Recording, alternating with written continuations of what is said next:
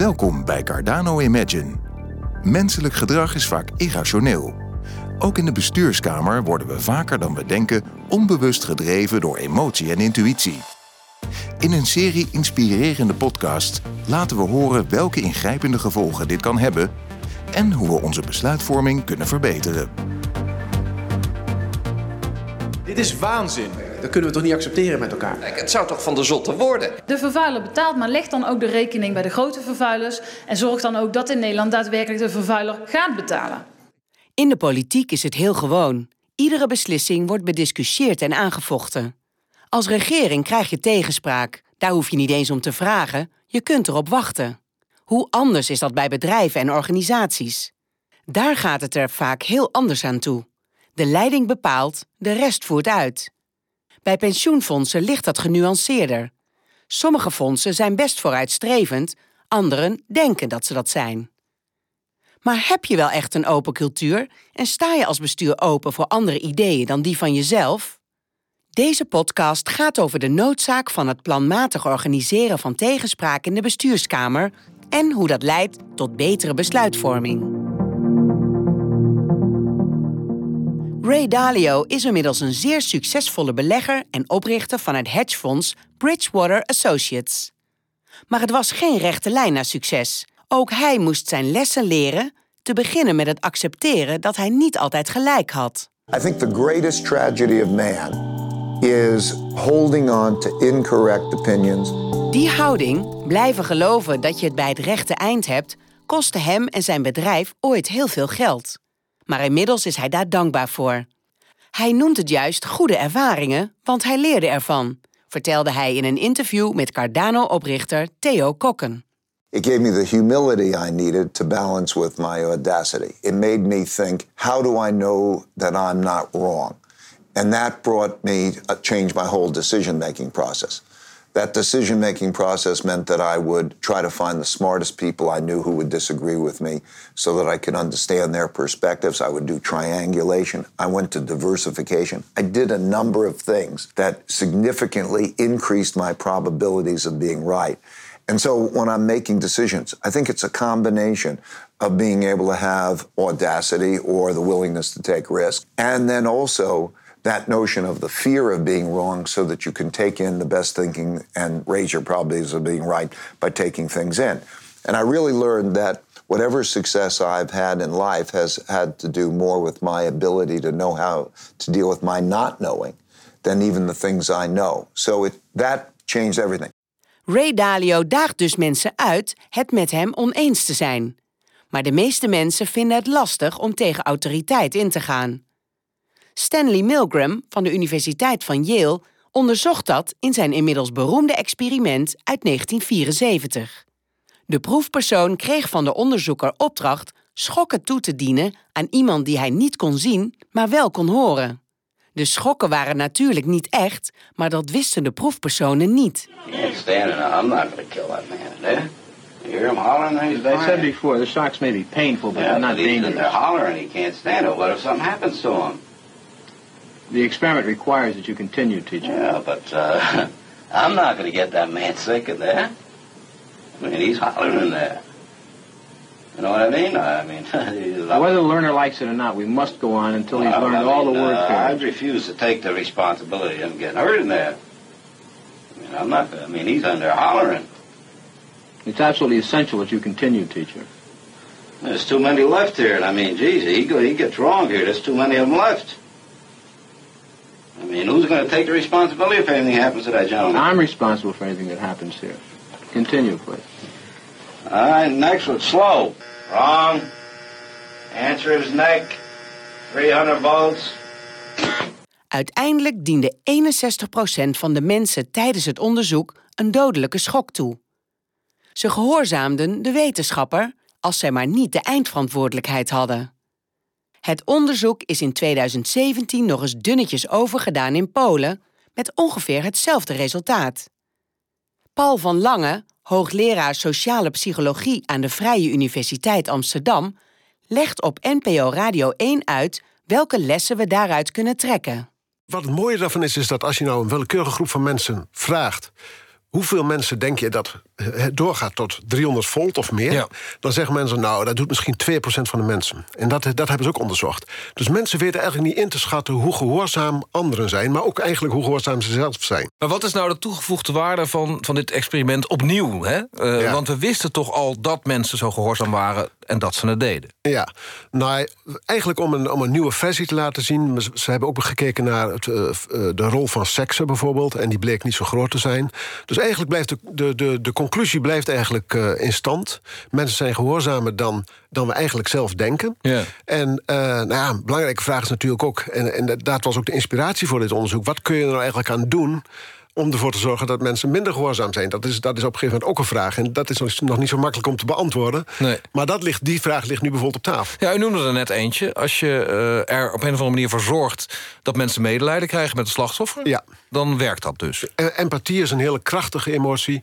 Die kun je heel snel aanwakkeren en activeren. Dus dat is, dat is inderdaad een heel belangrijke. En ik denk ook heel vaak dat je, dat je ervoor kunt zorgen dat mensen minder gehoorzaam zijn. Vooral als het gaat om immoreel gedrag. Dat mensen van tevoren een idee krijgen van hier ligt mijn grens. Naast onze neiging niet tegen gezag in te gaan, hebben we nog een ander probleem. Mensen willen het graag eens zijn met elkaar. Margaret Heffernan, bestseller-auteur van managementboeken, concludeert dat dat ook in bestuurskamers het geval is. Dat heet groupthink. I think groupthink is a risk, but I don't think it's an inevitability.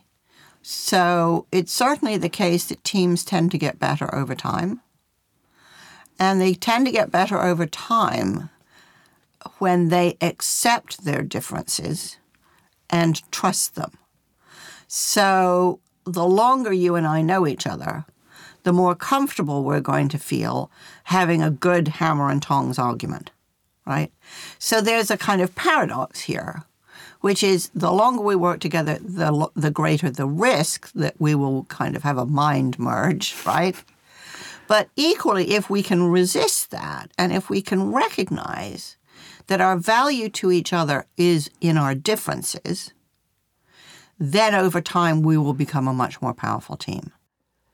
I think leaders often think the decision has to be unanimous to be supported. And I think that's wrong, or it should be wrong. And the most interesting example I came across, I spent a lot of time looking at and writing about Ocean Spray, the cranberry company. So this is about a three and a half billion dollar business, which has you know made huge amounts of money from a pretty inedible fruit. So you know I'm just stunned by their creativity. Um, but they're they're one of the largest cooperatives in the United States, and at one point Pepsi uh, offered to buy them. So all the farmers who own this business had to have an, a discussion about it, which went on for a long time. And um, eventually, the decision was something like 49.5 to, you know, 50.5. Or as the CEO says, you know, by a huge margin, they decided to stay independent. But the important thing is that the next day, everybody said, okay, we had the discussion, we had the argument, we had the information. This is what we've decided. Now we all get behind it. So I think the important thing is to construct the conflict in such a way, and it's why it's important that it's not personal, that regardless of the outcome, the next day everybody can get behind it. And whether or not people can get behind it is, I think, wholly a function of how thorough was the debate. And to the degree that it feels a fix, people won't get behind it. But if people feel it was a really good, gritty, thorough, detailed, well intentioned exploration, then they will. Dat is precies waarom Ray Dalio zijn eigen advocaten van de duivel binnenhaalde om die vicieuze cirkel van het eigen gelijk te doorbreken. So, in other words, I wanted to bring in the smartest independent thinkers to disagree with me so that we could disagree well. And that developed a, a unique culture. Disagreement can be appreciated if it's approached, but all of these things are habit. Yeah, if you get into the good habit and you appreciate each other having exchanges like that where there can be thoughtful disagreement, it just makes everything so better. So it's like going from black and white to color, or it goes two dimensions to three dimensions, and all of a sudden you're seeing the world in a much richer way. You know, it's so that notion of approaching it that way rather than the way it normally is approached, which is this barbaric, I'm angry at you because you disagree with me. Isn't that so stupid? Ray Dalio schetst hiermee wat de uitdaging is bij het organiseren van tegenspraak. Mensen kunnen het gevoel hebben dat bakkeleien niet hoort. Het niet eens zijn met elkaar zien ze dus als een gevecht, terwijl het een vruchtbare manier is om tot de juiste strategie te komen. Tegenspraak organiseren kan je als organisatie dus echt verder brengen. Maar dan is het wel van cruciaal belang wat je ermee doet. Mensen haken af als ze het idee krijgen dat er te vaak niets wordt gedaan met hun inbreng. Of als ze niet teruggekoppeld krijgen waarom er toch niet voor hun idee gekozen wordt. En dan ligt het gevaar op de loer van culture of silence, ook wel corporate silence genoemd. Werknemers zien wel dat dingen fout gaan, maar ze geven bewust geen signalen meer af. De Amerikaan Rob Bogosian deed jarenlang onderzoek naar dit fenomeen en schreef er een bestseller over. Because we wanted to know what was it that caused information from being willfully withheld. What were the causes of this withholding? And what were the consequences of this withholding? So you might be asking, well, what does this have to do with me? I'm a senior leader in my organization and I don't really know what this has to do with me. Well, the fact is that your employees may be withholding valuable information, and unfortunately, ladies and gentlemen, the reason could very well be you. Geen prettige boodschap. Al helemaal niet als je denkt dat je open staat voor de inbreng van je medewerkers. Maar dat is dus ook niet het enige waar het om gaat. Wat doe je met die inbreng? willful withholding of work related information. It's either offensive or it's defensive. So, offensive works like this You've done something to me, and therefore, I'm not going to give anything back to you. For example, one senior leader, an IT executive in our study, made a proposition to her leader and said, Listen, we've got this IT problem, an implementation issue. I know what the solution is. It's X, Y, and Z. Her leader said, That is fantastic. I'd like you to write it up and give it to me. Great. So she writes it up, she gives it to her leader. Lo and behold, at the next all hands on deck meeting, hundreds of people in the IT community, her leader gets up on stage like this, presents the problem, and presents the solution. Whose solution was it? It was the respondent, it was our study participant. So we said, Well, what was your reaction? She said, In that moment, I decided that she would never, ever, ever get another idea from me ever again. We call that offensive silence. Een andere risicofactor is een grote verandering in de organisatie. Nieuwe mensen die hun stempel willen drukken.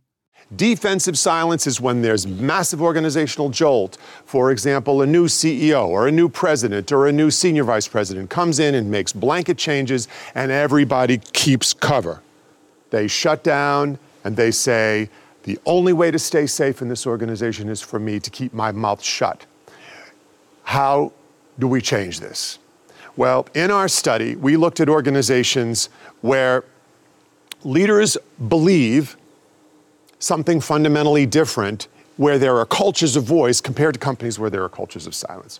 In cultures of voice, we see leaders behaving in ways that give associates and the associate culture voice merit. You have a voice, and your voice has meaning, and we want you to speak. As a matter of fact, we've proposed a rule for leaders who are trying to build strong cultures of silence. It's called the 2080 rule, and the 2080 rule says this it says, keep your mouth closed. If you're a senior leader, you're the boss. You have the power of the pulpit.